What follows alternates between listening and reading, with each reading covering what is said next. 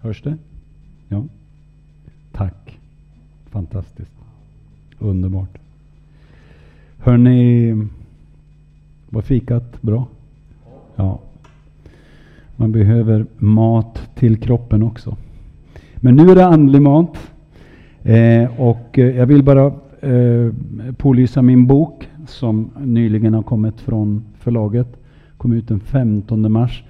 Och det märkliga är att jag har, jag har tre andra böcker som också i stort sett är klara. Men på något sätt så kändes det som att nej, den här, den här måste jag göra klart först. Och eh, förra hösten skickade jag manus till förlaget. Och sen är det ju en process av att liksom eh, få till det, för det, det, går lite fram och tillbaka innan man liksom är, är överens om olika delar och så. Eh, och eh, så eh, skulle omslaget göras och skulle jag godkänna det. Och, ja, det var en det ena än det andra. Och sen så vet ni, sker ju detta med eh, att Ryssland invaderar Ukraina. Och helt plötsligt så blev bokens budskap profetiskt. Eh, och, och, mm, utan att jag, men det finns ju alltid en vad ska vi säga, allt samverkar till det bästa för de som älskar Gud. Alltså, det finns någonting i Gud som, som gör att man gör saker i rätt tid och så vidare. Och en del av det som jag går igenom här är ju, eh, vad ska vi säga, bön som är initierad av den helige Ande. Att det är församlingens uppdrag. Men inte bara det, jag går också igenom att, att, eh, att profetera i Nya Testamentet Eh, naturligtvis ingår det att säga någonting om framtiden, men det hör mera till profetens tjänst. Jag skiljer på det och på det allmänna prästadömet, på de vanliga troende, att de, vi, ska komma igång och profetera. Och då behöver vi inte förutsäga framtiden, utan det handlar om tröst, det handlar om uppbyggelse och, och, och det handlar om uppmuntran. Och det kan jag säga till någon utan att säga så säger Herren. Jag behöver inte blanda in honom. Alltså med andra ord, jag, jag, säger så här, man behöver inte skylla på Gud om jag ska säga något. Utan jag, faktum är att jag behöver stå för det själv. Det vill säga, jag kan inte profetera utöver min tro. Eh, och där, en del är så rädda att, att kliva in på det här området medan jag vill avdramatisera det hela. Så därav den här boken. Så det handlar inte om att sälja, även om jag måste ta betalt för den, för jag har fått betala halva upplagan själv för att få ut den här boken. Utan det handlar om att jag vill hjälpa folk att komma igång.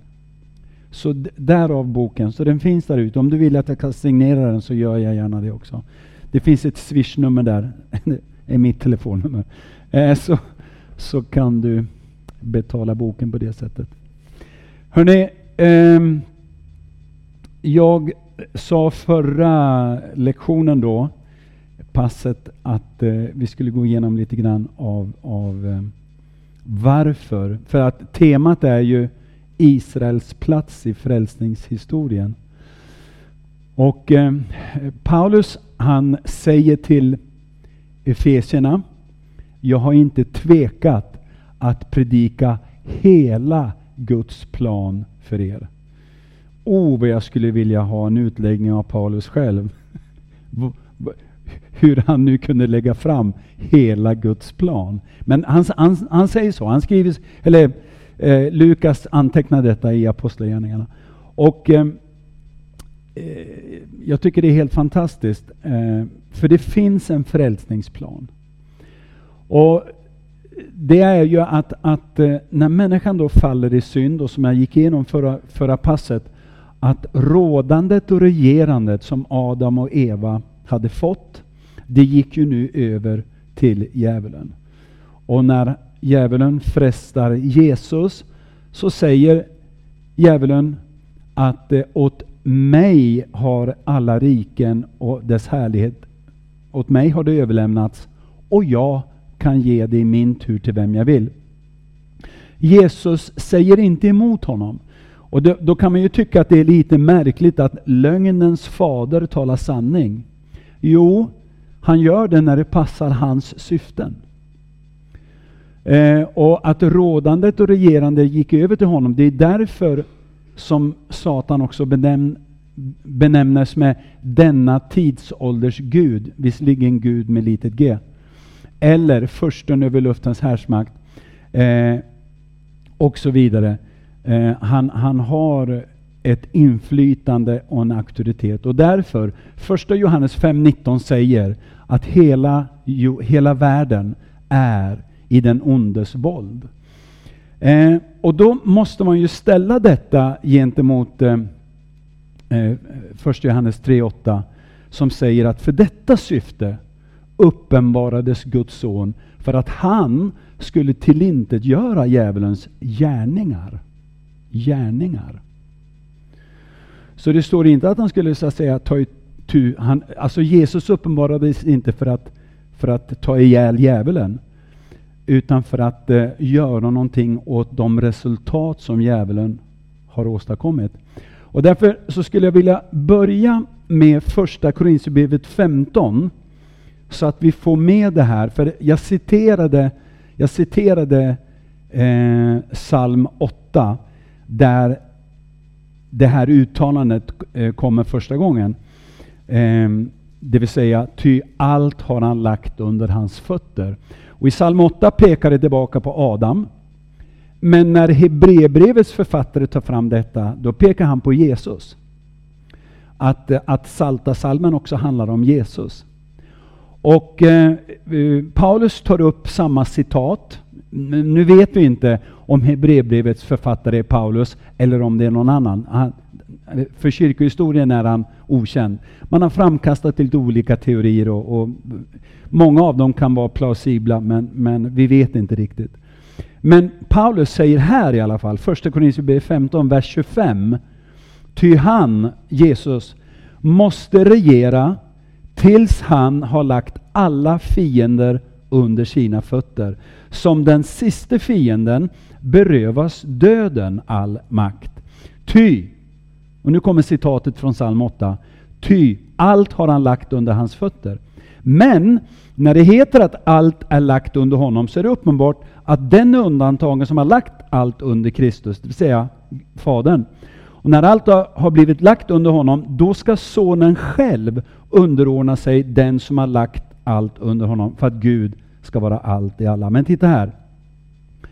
Eh, I Hebreerbrevet 2.8 nu, Hebreerbrevet 2.8, kommer samma citat igen. Allt har du lagt under hans fötter. Psalm 8. Citat. När han lade allt under honom utelämnades inget. Inget utlämnat alltså. Allt skulle vara lagt under honom. Ännu ser vi inte allt vara lagt under honom. I Korintierbrevet säger Paulus, han måste regera tills allt är lagt under honom. Hebreerbrevets författare säger, ännu ser vi inte allt vara lagt under honom. Och, och, Min fråga när jag började titta på det här, det här är många, många år sedan. Den var just detta, ja men om nu Guds son uppenbarades för att tillintetgöra djävulens gärningar. Om allt är honom underlagt på grund av vad Jesus gjorde på korset. För vi måste ju inse och förstå att Jesus vinner seger på korset, eller hur? Ja. Och segern gäller dig och mig som i tro tar emot honom, ja. Eh, och så kommer man till, till Hebreerbrevet 2 då. Ännu ser vi inte allt vara lagt under honom. Och så kopplar man ihop det med första Johannes 5.19. Hela jorden, eller hela världen, är i den ondes våld. Då har man liksom, det blir liksom två saker mot varandra. Ja, men hur är det nu? Är allt honom underlagt? Ja, skriften säger det.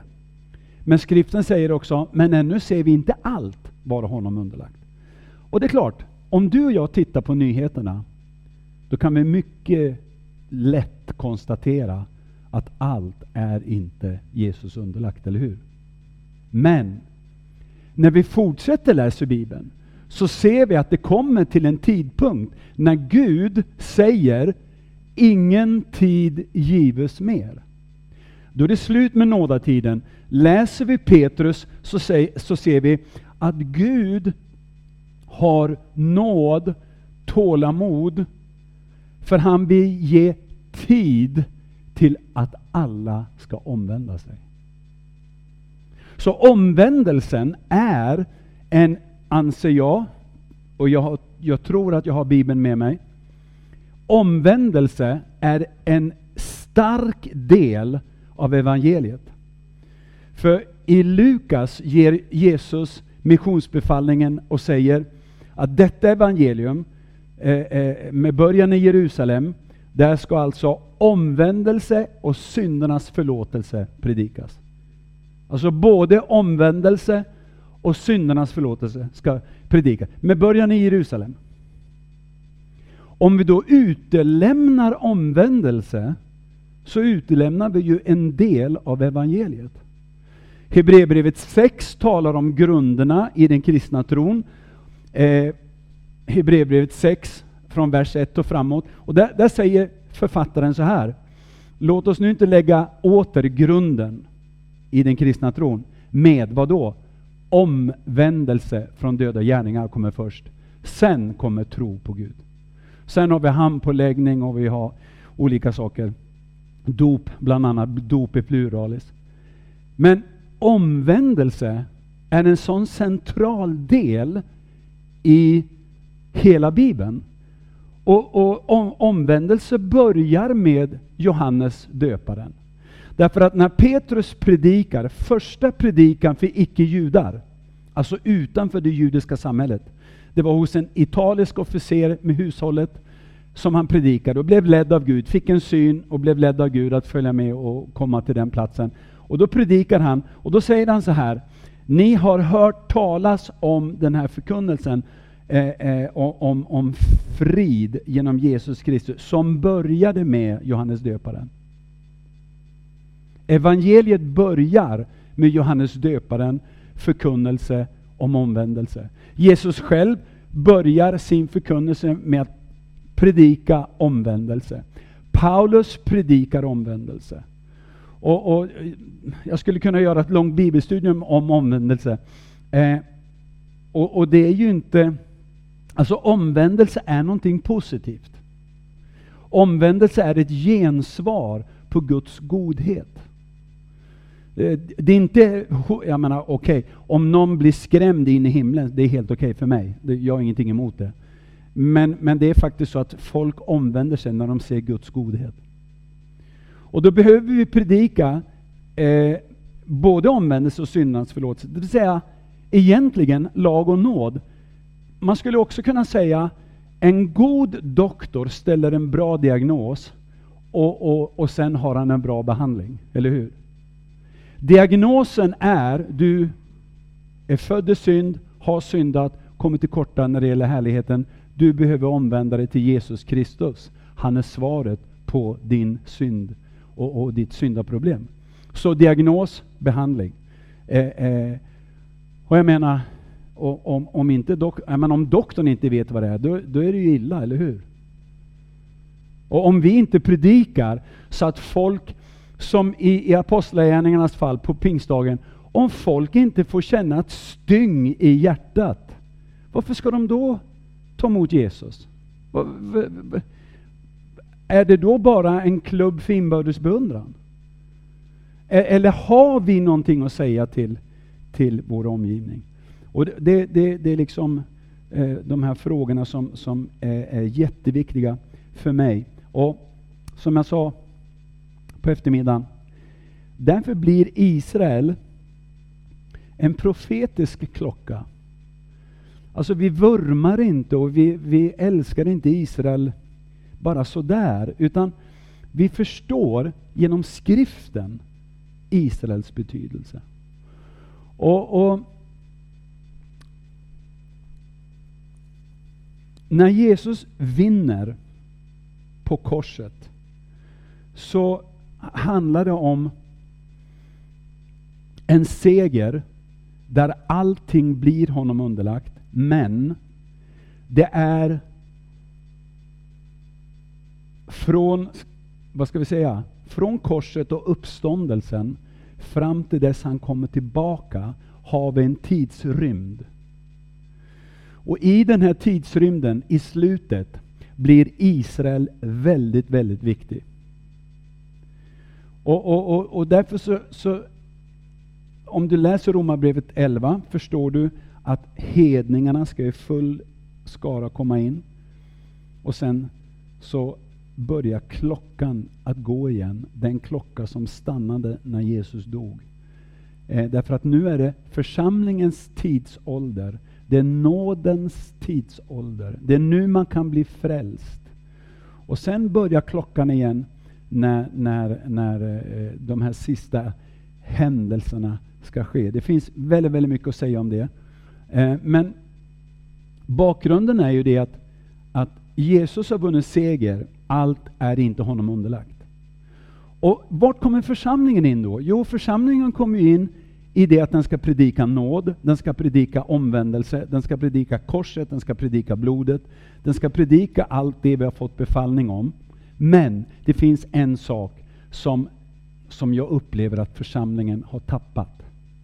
Och det är församlingens både profetiska uppdrag, som jag skriver i boken om, men också om församlingens del i att Jesus måste regera tills alla fiender är honom underlagda. Alltså församlingen har fått namnet Jesus. Det namn som är över alla andra namn. Det namn som, som alla knän måste böja sig för i himlen, på jorden och under jorden. Alltså det namnet, Jesus säger själv när han undervisar, hittills har ni inte bett om något i mitt namn, men nu ska ni göra det. I mitt namn ska de kasta ut onda andar. Och bara det är kontroversiellt nog för, för många kristna. Eh, det andra han säger, i mitt namn ska de också tala nya tungor. Också det kan bli kontroversiellt för kristna. Och sen för att förklara då, eftersom jag inte gör något av det där, då förklarar jag bort det och jag hittar en teologi som stämmer med det. Men det stämmer inte med Jesu ord. Eh, så, så det, det blir liksom eh, det blir problematiskt. Det var därför jag sa under första passet, min, min bibelsyn och mitt bibelbruk är att detta, all skrift, är ingiven av Gud. All skrift, Gamla testamentet, Nya testamentet. Och vi kan inte välja och vraka och ta bort och klippa och klistra som vi vill. Utan det här är en helhet. Och, och jag menar på det att Jesus han regerar tills han har lagt alla de här eh, eh, fienden som en fotapall. Och jag menar att församlingen har inte tagit sitt uppdrag på allvar när det gäller förbön, när det gäller eh, det vi kan kalla för andlig krigföring. Alltså det som Paulus talar om i Efesierbrevet 6. Att, att den strid vi har att kämpa, i Korinthierbrevet säger han, vi kämpar inte mot, mot, mot, mot något annat än furstar, väldigheter, andevärldens eh, och så vidare. Alltså den andlig verklighet. Och församlingen har inte trätt upp och trätt in i gapet för en förlorad värld. Utan församlingen har, har sysslat med ganska mycket, som jag tycker, då, oviktiga saker. Men, men den, här, den här bönen som, jag menar, Paulus han skriver att han kämpar i bön för att Kristus ska ta gestalt. Eh, han skriver om Epafras, hur han kämpar i sina böner. Och, och förlåt mig, men alltså, jag, jag ser inte detta kämpande i bön i, i frikyrkorna. Utan jag ser, jag ser, alltså vi ber, absolut vi ber. Men, men vart är den här kämpande bönen? Och då kanske det är så här, vi vet inte vad det är och därför gör vi det inte. Och, och jag tror nu, jag menar, nu har Ryssland invaderat Ukraina. Alla förfasar sig. Och nu ska alla liksom eh, distansera sig från Putin. Och, Alltså det, det är väldigt liksom, eh, eh ja, det, det, är olika manövrar. Eh, och jag menar, det är ett orättfärdigt krig. Och jag menar, så långt jag ser på både Facebook och Instagram så är det ett väldigt pådrag av bön just nu för Ukraina. Och det är kanske just därför det går så dåligt för ryssarna. Alltså, okej. Okay. Men, men i vilket fall, det är ju en väckarklocka. Nu har vi haft några sådana här väckarklockor i närtid. Jag tänker på när muren föll 1989 i Berlin. Alla tänkte eller tyckte, det här är ju som en slags institution. Den här kommer alltid att finnas här. Och, och så helt plötsligt så bara rivs den framför våra ögon. Och, och, och det hade varit massiv bön. Och de första som var uppe på muren, det var, det var kristna ungdomar. I vilket fall så var ju det en väckarklocka, för det var ju ganska exakt då eh, 200 år efter, efter Bastiljens fall, franska revolutionen. Det är intressant, det, men i alla fall. Sen har vi 11 september, hur många kommer ihåg det? Har du tänkt på, som jag har tänkt på, att nya saker blir fortare gamla i den här tidsåldern? Helt plötsligt 11 september, ja men det är ju liksom, hallå? Ja, precis. Det var 2001.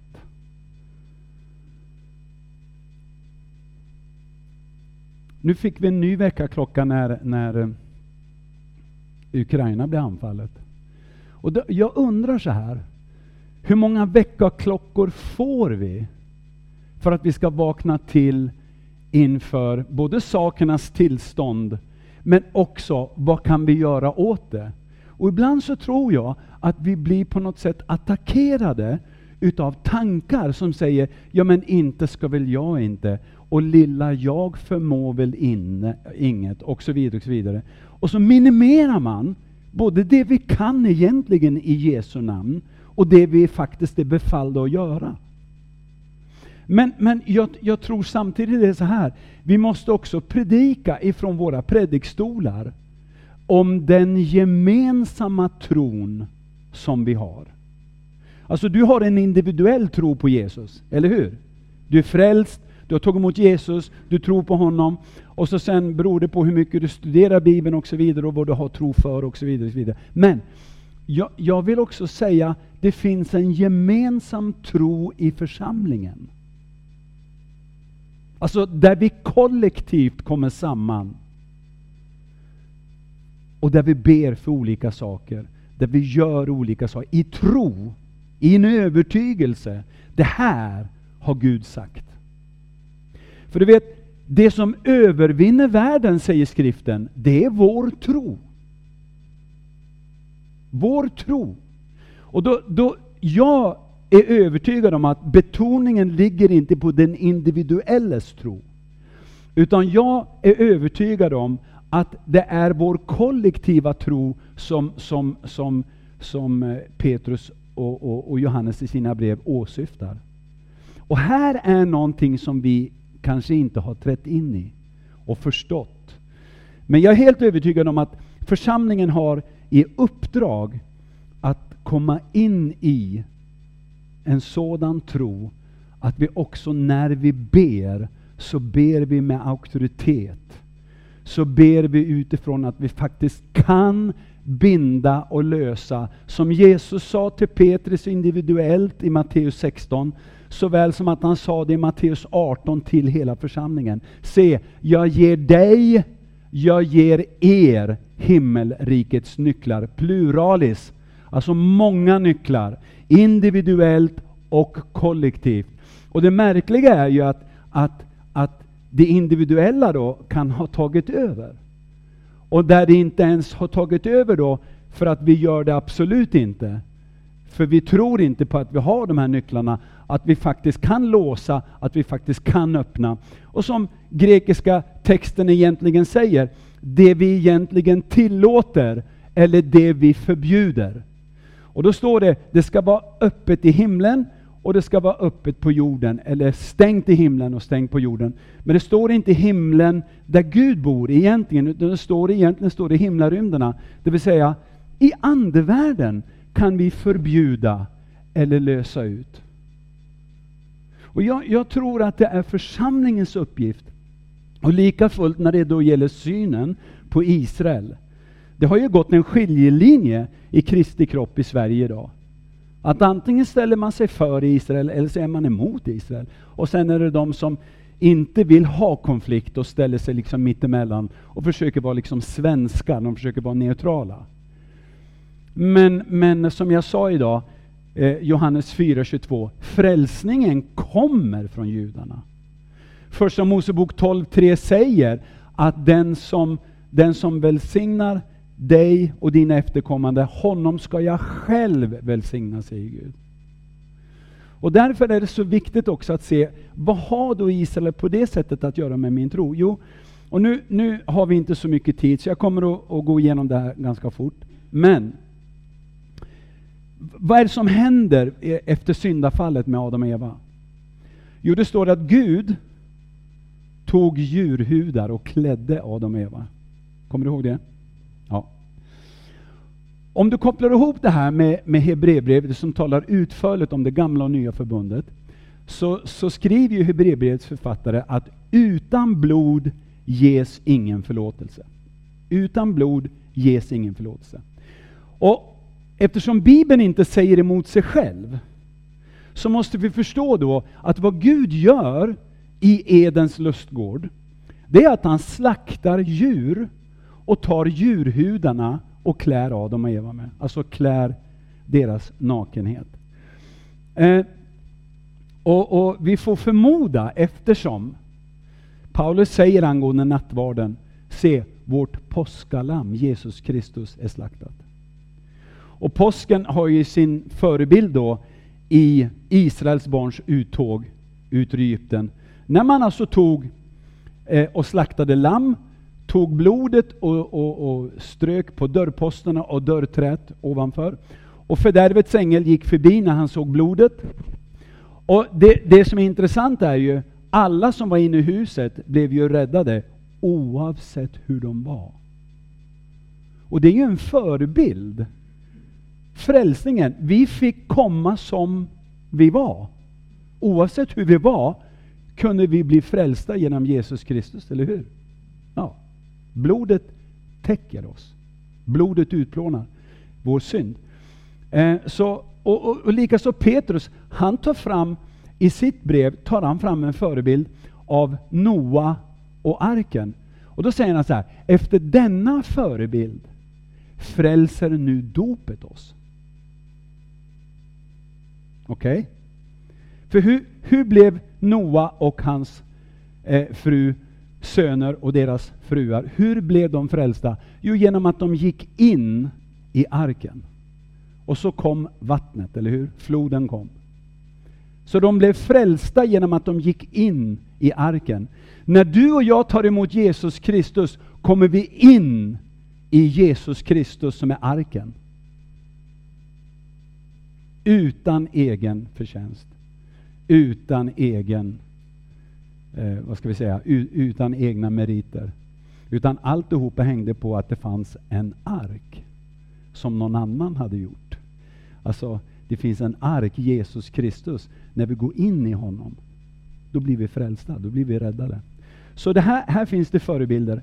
Och därför, de här förebilderna nu som finns i Gamla Förbundet, i Gamla Testamentets skrifter, de är jätteviktiga för oss att förstå den här hela planen av frälsning. Så det började med djur som blev, alltså oskyldiga djur blev slaktade i Edens lustgård. Adam och Eva blev klädda i dem, djurhudarna. Och det som är intressant här, det är ju att här står nu, alltså först har Adam och Eva gömt sig, kommer ni ihåg det? De har gömt, varför har de gömt sig? Det märkliga är ju att när synden kommer in i människan blir människan rädd för Gud. Så hon gömmer sig.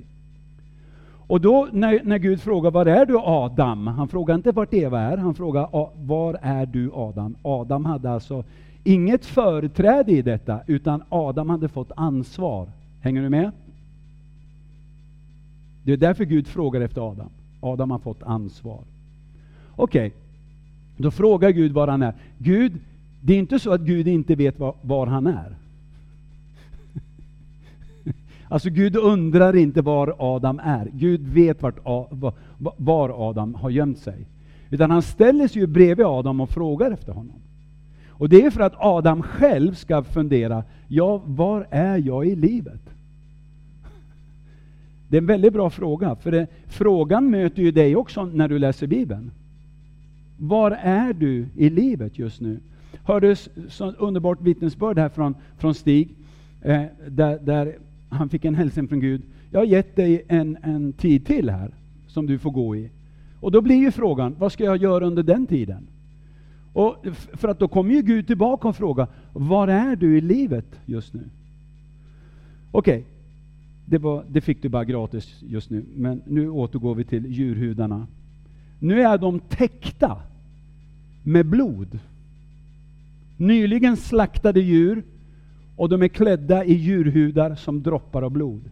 Utan att blod utgjutes ges ingen förlåtelse, säger skriften. Skriften talar inte mot sig själv. Här ser vi förebilden till att ett offer måste ges för att, så att säga, närheten till Gud ska kunna behållas.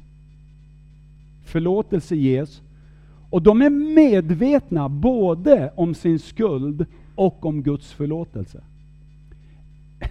Frågan jag tänker omedelbart är, är jag medveten om hur mycket jag har blivit förlåten? För att den som har fått lite förlåtet älskar lite. Den som har fått mycket förlåtet älskar mycket. Därför behöver vi, vi bli påminda. Inte så att vi skulle gå i skuld och fördömelse igen, därför att det finns nu ingen fördömelse för den som är i Jesus Kristus. Absolut. Men jag, jag, är, alltså jag, jag, har inte fått, jag har inte fått en stroke så att jag har tappat minnet. Jag vet vad jag har gjort. Men jag vet också vad Jesus har gjort. Och det medvetandet måste vara starkare än min skuldmedvetenhet och min fördömelsemedvetenhet. Det är därför undervisning om rättfärdighet är så viktig. Att jag har fått en rätt ställning till Gud. Men det betyder inte att jag blir vårdslös, det betyder inte att jag blir ytlig, det betyder inte att jag missbrukar Herrens namn, det betyder inte att jag blir slarvig. Det betyder bara att jag är en medveten kristen.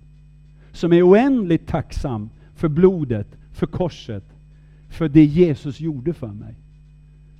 Och så får jag vandra i den här tacksamheten över vad han har gjort. Okej, okay. om vi hoppar framåt då, så ser vi att Innan lagen kommer så offrar Abraham och gör altaren. Isak gör det, Jakob gör det. Jobb till exempel, han offrar ju själv för sina söner och döttrar, för kanske har de syndat. Kommer du ihåg det om du läser Jobs bok? Kanske. Och, och i lagen sen står det att det är bara prästerna som får offra. Så före att lagen blir given och ceremoniallagarna så var det faktiskt individuellt att du kunde offra till Gud. Och det går ju tillbaka till första offret. Och sen gör Gud så att säga en institution av detta. Och då måste man tänka så här, men va, varför, varför sysslar Gud med detta i, i, i gamla förbundet? Jo, det har faktiskt med din och min syn på vad synd är. För vi har idag alltså, man, man, synd blir ett skällsord, man minimerar det, man förminskar det, det finns inte, ja, men det ger bara skuld och, och etc. etc. Men du vet, Gud, hur många håller med mig om att Gud är en helig Gud? Hur många håller med mig att han är perfekt? Att han, han, han han är bortom all brist. Det finns ingen brist. Det finns ingen mörker i honom. Det finns ingen växling av ljus eller mörker. Han är, han, han är alltigenom fantastiskt underbar, helig. Alltså om, om, det finns ju, finns ju liksom inga superlativer nog för att beskriva hans renhet, hans helighet, hans, hans avskildhet, hans strålglans. Och hur ska, hur ska denne Gud kunna umgås med en syndig människa? Det går inte. Det finns ingenting som kan överbrygga. Så, så vad ska Gud göra? Jo, att blodet kommer in som en funktion där synden blir betald, där, där synden täcks över, så att Gud kan umgås med en syndig människa. Det är därför Gud då, så att säga, har alla dessa offer, Abraham, Isak, Jakob, och sen hela Israels folk, och templet, tabernaklet och sen templet i funktion. Med offer, för att, och det stora syndoffret Jom Kippur, en gång om året, när hela Israels skuld togs bort. Och allt det här är ju förebilder på den som skulle komma på korset. Och genom att vi har minimerat så har vi liksom tappat, vi har tappat kopplingen bakåt till en helig Gud. Därför kommer lagen in som en övervakare. Lagen kommer in som, som gör att mitt fall är inte ett fall ifrån en trappa så här. Utan mitt fall är egentligen ett fall Grand Canyon. Lagen kommer in och säger du, du har inte bara syndat lite. Din synd går inte att överbrygga. Och då, hela lagen kommer ju till för att visa oss en helig Gud, hans standard, hans krav på rättfärdighet. Och Jesus säger till fariseerna, om inte er rättfärdighet övergår deras, kommer ni inte in i himlen. Och då säger jag, vem kan då bli frälst? Ja men, det är ju det som är så underbart. Jesus Kristus är svaret. Han var rättfärdig och dog vår död. Men, då när Gud uppenbarar sig så säger han så här, okej, okay, om jag är helig Gud och du ska umgås med mig, så måste ett offer frambäras. Och ett offer måste offras på ett altare. Det här är ju bilden på ett altare, eller hur? Eller hur? Varför har vi det? Du vet, vi har till och med tappat, ja, de har ett bord där framme. För, förstår du vad jag menar? Vi har tappat heligheten över att det här symboliserar ett offeraltare. Nu brukar vi duka upp nattvarden här, vilket ju är symbolen för det yttersta offret. Men okej, okay, ett altare då på den tiden, det skulle vara en upphöjd plats. Det skulle göras antingen av jord som man skrapade ihop, eller man byggde det av ohuggen sten. På det skulle man offra, och då kunde man umgås med Gud, med en helig Gud. Och då skulle det vara en upphöjd plats. Och i Johannes evangelium, nu får du tro på mig, vi har inte tid att gå igenom allt det här, men du får tro på mig. Men flera gånger står det, bland annat så står det så här eh, i Johannes 3. Så som Moses upphöjde ormen i öknen, så ska Människosonen bli upphöjd. Och så ska han dra alla till sig. Okay? Nu, nu har vi ett fattigt ordförråd i, i, i svenskan. Därför att vi skulle använda ett annat ord, för att på grekiska är det, är det eh, hypsosen, vilket betyder upplyft. Man lyfter upp något. Till exempel på ett annat ställe i Johannes så säger han så här, Människosonen måste bli upphöjd. Och så står det en förklaring, därmed angav han på vilket sätt han skulle dö. Så det är inte att bli upphöjd, som det står i, i, i Filipperbrevet 2, där Jesus har blivit upphöjd och fått det namn som är över alla namn. Vi har ju samma ord för upphöjd, firad och upphöjd på ett kors. Förstår du vad jag menar? Därför vore det bättre att vi använde ordet lyfts upp. Han lyftes upp. Det ska vara en upphöjd plats. Offerplatsen ska vara upphöjd. Okej? Okay? Därför att när det står upphöjd i, i Filipperbrevet, där Jesus blir upphöjd och fått det namn som är över alla andra namn, då står det hyper hypsosen. Alltså överupphöjd. Och då förstår man att han blir firad och upphöjd. Han är kungars kung och så vidare. Men när det står i Johannes evangelium att han blir upphöjd, tre gånger faktiskt, eh, så, så står det att han blev upphöjd på korset. Och tänk vilken ultimat motsägelse. Att Jesus symboliseras utav en orm på en påle. Men alla som såg upp på kopparormen, fast de hade ormgift i ådrorna, blev till liv, eller hur? Eller hur? Det krävdes tro när febern rasade i kroppen, att de fortsatte att stirra på en kopparorm. Alltså, vad ska det här vara bra för? Men när de gjorde det, för, för ordet var stirra länge, forskande, tänkande på vad du ser. Och den som, Jesus säger, den som ser sonen ska ha livet. Så på samma sätt som ormen blev upphöjd i öknen, så ska Människosonen bli upphöjd. Det vill säga, han ska bli gjord till synd. Han ska bli gjord till en förbannelse. Och det ska ske på en upphöjd plats. Så då har vi förebilderna av hur offer skulle gå till. Därför blir korset, det blir alltså en altarplats. Och Det som är så underbart nu, det är ju det att Abraham, vi kan läsa om det här i, i, i, i, i Första Mosebok, hur Abraham får höra Gud säga så här. Och det här, det är så tydliga paralleller till Jesus, så det är helt makalöst. Men han får höra det här. Tag din enda son, som du älskar. Vad sa Fadern om Jesus vid Jordan? Och vad sa Fadern om Jesus på förklaringsberget? Denne är min älskade son. Eller hur? Okej. Okay. Så Fadern säger till Abraham, ta din, älskade, din enda älskade son och offra honom på ett berg. Gå till Morialand, offra honom där på ett berg, jag ska visa dig. Det är samma ord han säger till Abraham när han ska lämna det kaldeiska ur. Dra ut från ditt land till ett land jag ska visa dig. I Hebreerbrevet står det, han drog ut utan att veta vart han skulle. Nu vet han vart han ska, han ska till Moria land. Moria på hebreiska betyder utvald av Gud. Så Gud säger, jag har utvalt en plats. Den heter Moria, jag har utvalt. Gå dit till ett berg jag ska visa dig. Efter tre dagar, tre nätter, vilket också är en förebild då på Jesus ligger i graven, så fick han se platsen på avstånd.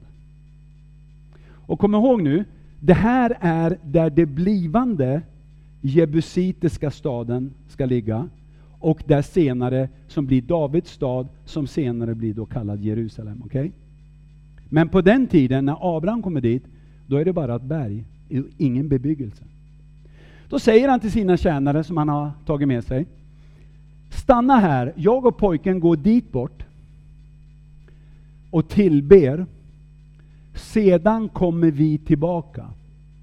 Och det här tar Hebreerbrevets författare upp, att Abraham trodde på uppståndelsen och liknelsevis fick han ju tillbaka sin son ifrån de döda.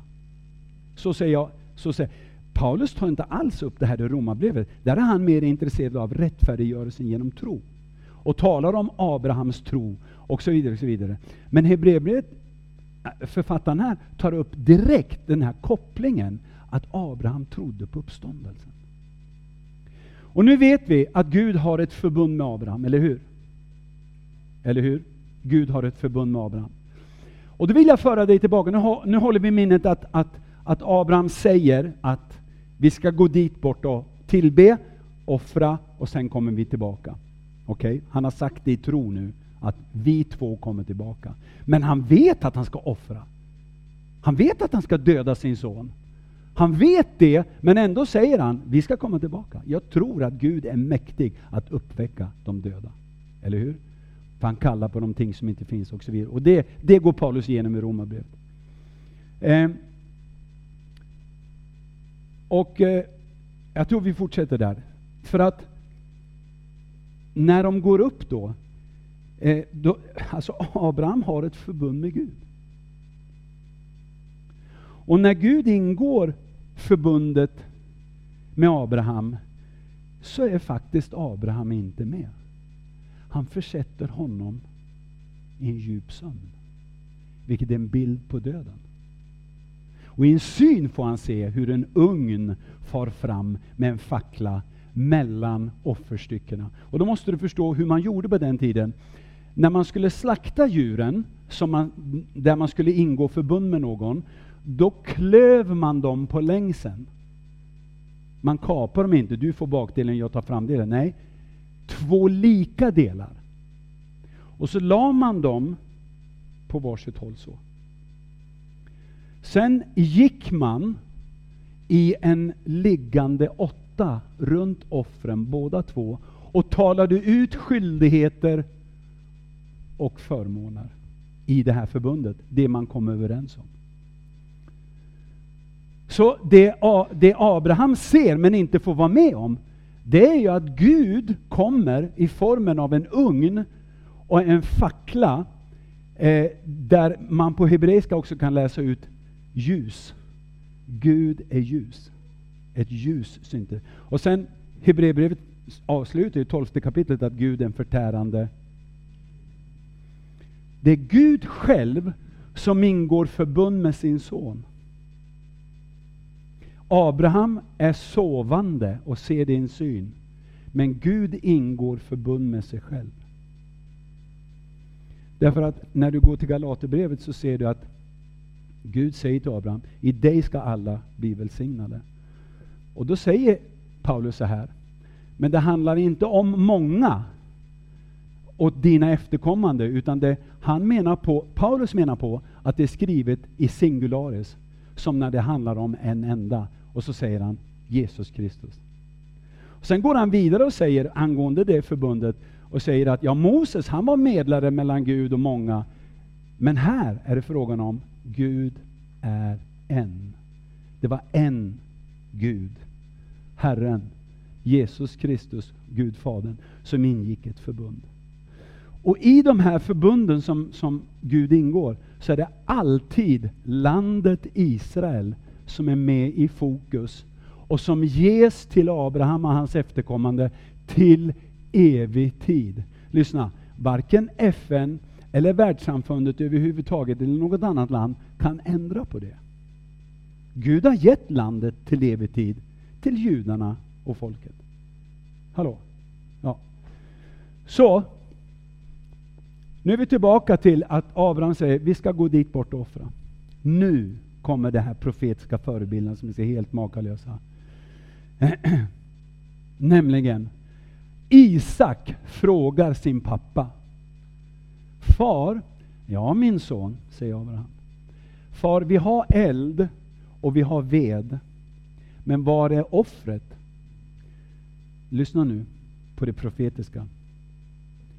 Gud ska utse offret min son.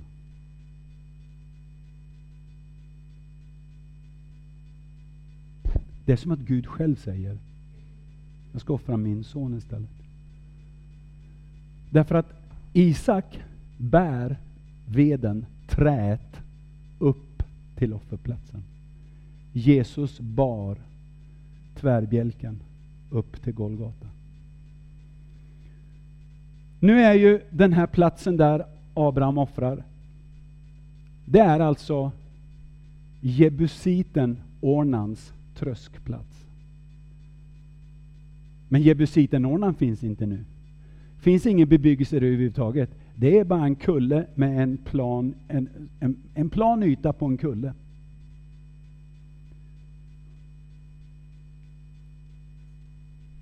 Om vi går vidare i Gamla Testamentets historia så får ju då David i uppdrag att inta jebusiternas stad.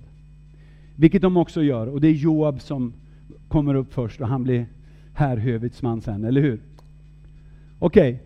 Davids stad, om du idag skulle stå och ha templet, tempelplatsen bakom dig, då har du västra muren här på höger sida. Okej? Okay? Och så har du Hulda-trapporna här bakom dig som går upp.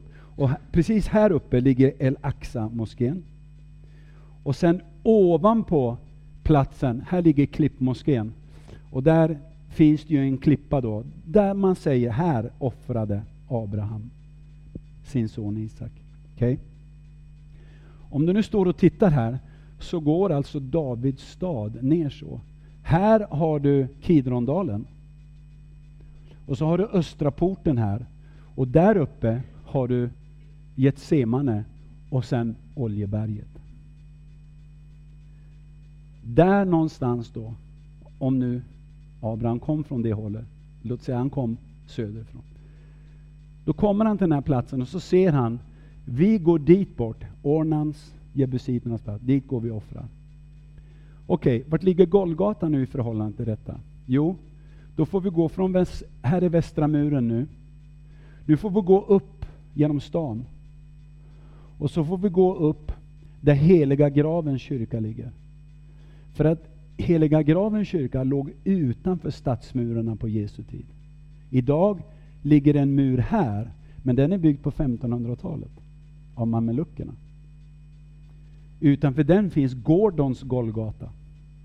Som är en fantastisk plats, och en fantastisk bild på, på, på, på hur, hur graven kan ha sett ut. Och, och, det stämmer väldigt bra överens med, med att det var en trädgård och, och etc, etc. Men troligtvis är Golgata här. Nu är det bredvid Gordons Golgata så finns det en klippa som, som ser ut som en dödskalle. Men man vet inte. Okay. Men i alla fall, det som händer nu, det är det att David får i uppdrag av att inta jebusiternas stad, vilket han gör. Och sen får han i sinnet, jag vill bygga Herrens hus. Och Gud säger till honom, nej, inte du, men din son. För du har blod på händerna. Fridens son ska bygga templet. Shlomo, alltså fridens son. Salomo, Shlomo. Det betyder frid, fridens son. Han ska bygga templet. Så David samlar ihop. Och det märkliga är ju nu att nu har ju David begått en synd. Hur många kommer ihåg Davids synd? Inte Batseba. Den andra hemska synden han begick. Att räkna folket. Gud hade sagt att de ska bli som sanden på havet. Dra, dra, dra. Att han vill räkna folket, det är ju otro. Och därför så får han också förelagd utav profeten Natan tre val. Falla i fiendens händer, falla i Guds händer och så vidare. Han väljer att falla i Guds händer och då bryter pest ut bland folket. Och han ser fördärvets ängel, eller en ängel, Herrens ängel, står mellan himlen och jorden. Kom ihåg, Människosonen ska bli upphöjd mellan himmel och jord. Det är profetiskt att Herrens ängel står där med draget svärd. Och David blir helt förskräckt. Och då säger Gud, här, på den här platsen, Jebusiten Ornans plats, offra där. Så då vill han köpa det här. Jebusiten Ornan säger, nej men du får det. Och David säger, aldrig i livet att jag skulle ta någonting eh, gratis. Så han ger full betalning för platsen. Lyssna nu. Har David ett förbund med Gud? Svar ja. David har ett förbund med Gud. Därav kan man faktiskt på ett sätt säga att Gud är delägare i marken. Kom ihåg att hela jorden, hela världen, inte jorden, världen var i den ondes våld. Så vad ska Gud göra då när Adam och Eva faller i synd? Jo, han visar dem att vägen tillbaka till honom går genom blod. Och Gud har inte förbjudit sig själv. Han har förbjudit sig själv att göra våld på sitt eget ord. Därför kunde han inte intervenera när Adam och Eva faller i synd. För han har inte sagt någonting om det. Rådandet går över till djävulen och så vidare. Och så har vi hela historien framför oss. Men Gud förbehåller sig rätten att uppenbara sig. Fast hela världen är i den ondes våld. Så han uppenbarar sig för vem? Noa. Innan dess Enok. Han uppenbarar sig för Abraham. Han uppenbarar sig för, för, för Isak, för Jakob. För folket vid Sina i berg, eller hur? Så han förbehåller sig rätten att uppenbara sig. Så han har uppenbarat sig för de här och därför David är född i folket som är i förbund med Gud. Och därför, när David köper marken, Gud har förbund med David, har Gud rätt. Lyssna. Gud har rätt att på den platsen offra offer och förlåta Israel ett år i taget, hela tiden, fram till dess att Jesus Kristus kommer. Vart korsfästes Jesus? I Moria land. Det är ett stenkast från jebusiten Ornans tröskplats. Och då säger Jesus någonting väldigt intressant. Abraham såg min dag och blev glad. Alltså jag tror att Abraham såg. För han behöver bara lyfta blicken lite så ser han ju Golgata. Från platsen där han står. Han såg min dag och blev glad. Och de börjar bråka med honom. Du är inte ens 50 år och du säger att du har sett av. Innan Abraham, och så säger han, jag är innan Abraham. Så han tar gammaltestamentliga namnet på Gud som uppenbarar sig för Moses. Vem ska jag säga har sänt mig? Säg jag är har sänt dig. Så säger han. Och, och de blir helt... Men, men de kan inte döda honom för hans tid är inte inne, står det. Det är helt, helt makalöst.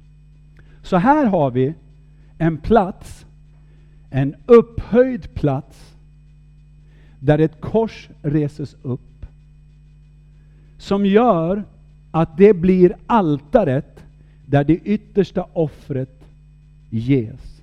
Och lyssna nu, det här är väldigt noga. I Johannes 1 så står det Åt alla de som tog emot honom gav han rätt att bli Guds barn. Kommer du ihåg det? Johannes 1, vers 12. Åt alla de som tog emot. Många har kommit fram hit till den här altarplatsen och sett korset, men inte tagit emot Jesus. Och det är det tragiska. Här har kyrkan missat att faktiskt predika hela evangeliet. För att om jag inte predikar omvändelse, så, så folk kan komma hit och ha med sig religiösa idéer, tankar och tänker sig att ja, men jag har gjort det och jag har gjort det och jag har gjort det. Ingenting av det duger inför en helig Gud. Utan det offer som Gud själv har ställt dit, det är det som duger. Förstår du nu varför det är sån strid om Jerusalem? Om tempelplatsen, där det är en moské idag. Och om Golgata. Men vet du? En dag ska Jesus komma tillbaka och ställa sina fötter på Oljeberget.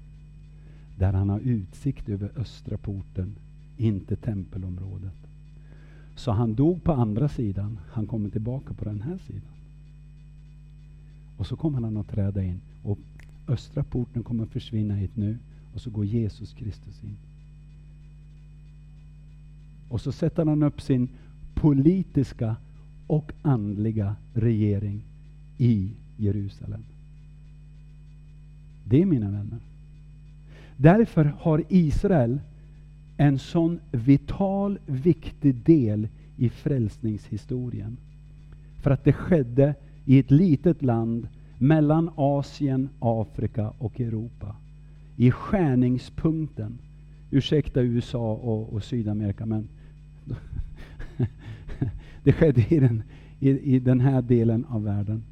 Och, och Därför är det viktigt att du och jag som troende på Jesus Kristus ser hela planens utveckling fram till att Jesus dör på korset.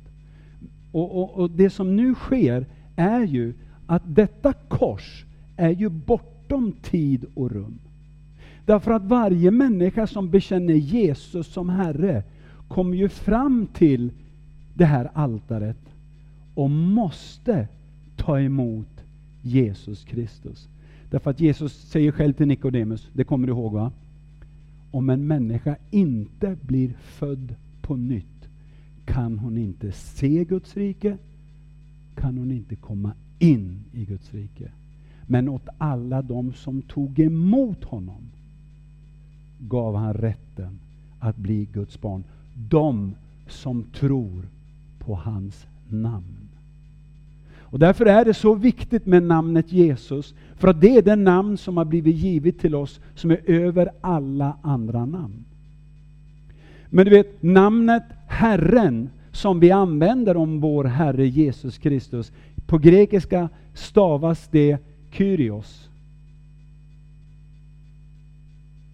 Kyrios är det grekiska ordet för Adonai. Adonai betyder ordagrant på hebreiska min Herre och anges alltid med vokaltecken där det står YHWH, alltså Jahve, Jehova.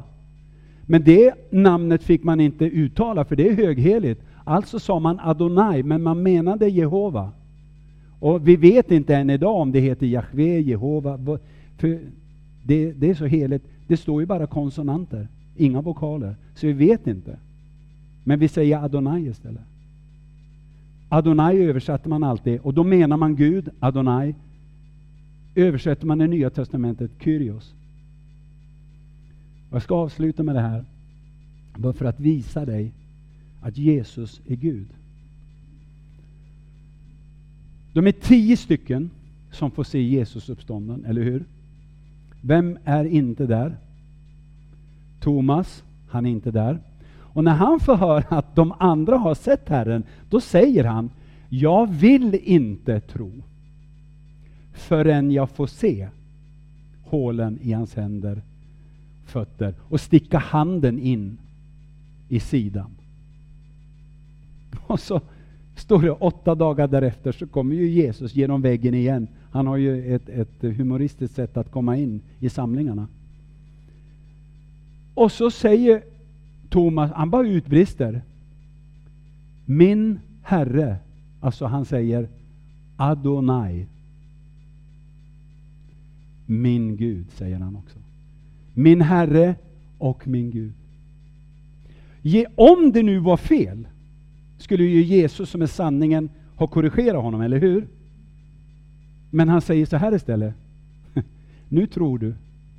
Saliga är de som inte ser och tror. Vad då? Det du nyss sa. Kyrios, Adonai, Jahve. Jag är Gud. Det är därför Hebreerbrevets författare säger i början. Om sonen säger han, min Gud, o Gud. Eller din Gud, o Gud.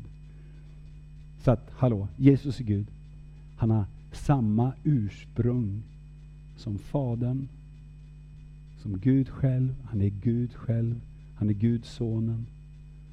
Och när vi förstår att han är den höghelige från Gamla Testamentet in i Nya Testamentet blir det än mer fantastiskt och underbart att han som är Gud dog på korset för din och min skull. Han utgöt sitt eget blod. Och när man skulle offra så är det ju så att Gud säger, ty livet, själen, är i blodet.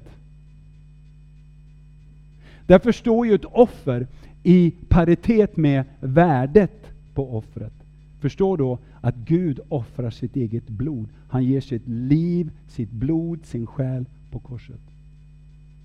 Då blir det än mer fantastiskt att du och jag är frälsta på grund av att vi tror på vad Jesus gjorde för oss på korset. Men vi måste ta emot honom. Vi måste öppna våra hjärtan och säga ja, Jesus, kom in. Jag tror på att du är Herren, Kyrios, Adonai, Jahve. Vet du vad Jahve betyder? Alenarådande härskare och mästare. Och du förstår, Jesus är allenarådande härskare och mästare. Och om vi nu har förminskat Jesus, är det dags att vi upphöjer honom igen, där han ska vara. Och förstå att frälsningen kommer från judarna. Amen. Han kommer inte tillbaka till Moskva, New York eller någon annanstans. Han kommer tillbaka till Oljeberget i östra Jerusalem. Amen. Ska vi stå upp tillsammans?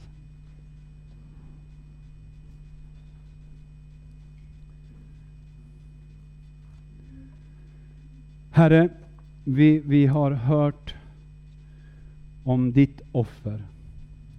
Herre, vi har hört om hur du hade en plan från början och att du skaffade din legala, juridiska rätt att offra din son på korset. Som ett syndoffer som täcker alla människor på jorden. Vi tackar dig Herre, vi prisar dig för att vi har sett detta i skriftens ljus. Och vi har sett att allt detta skedde i Israel, i Jerusalem.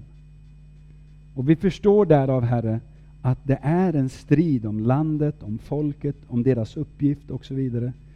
Men att du är Gud, och du kan göra vad som helst stort och starkt, det spelar ingen roll vad som händer i världen. Du sitter på tronen i vilket fall. Och du kommer att föra din son fram i fullständigt segertåg. Men Herre, under tiden, visa oss vad vi behöver göra. Visa oss vad det är vi ska göra. Visa oss de här andliga vapnen du talar om i Efesierbrevet 6. Visa oss, Herre, vår uppgift i den yttersta tiden. För det är ingen slump överhuvudtaget att vi finns till just nu. Vi finns till just nu för att utföra det du vill få utfört på jorden. För du gör det i och genom församlingen.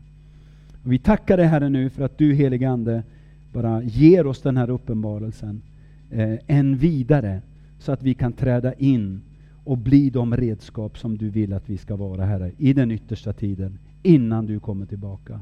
Och därför Herre så vill jag be för var och en här inne i Jesu Kristi namn att inte frukta, att inte vara rädda, att inte själva och, och stå frågande vid havets och vågornas dån, utan att vi håller oss nära dig Herre. Att du får leda våra steg, du får tala till oss, du får leda oss där vi bedjande går fram. Jag tackar dig för det Herre, och välsigna den här församlingen i Vaggeryd. Välsigna församlingarna i Vaggeryd. Välsigna Guds folk här på orten, så att de kan träda in i sin av Gud givna uppgift. Vi ber om det Herre i Jesu namn. Amen. Amen. Gud välsigne oss alla. Välkommen tillbaka imorgon. Då, har vi, då, har jag, då predikar jag här på gudstjänsten. Och som sagt, om du vill köpa boken och du vill att jag ska skriva i den så gör jag gärna det. Gud välsigne dig.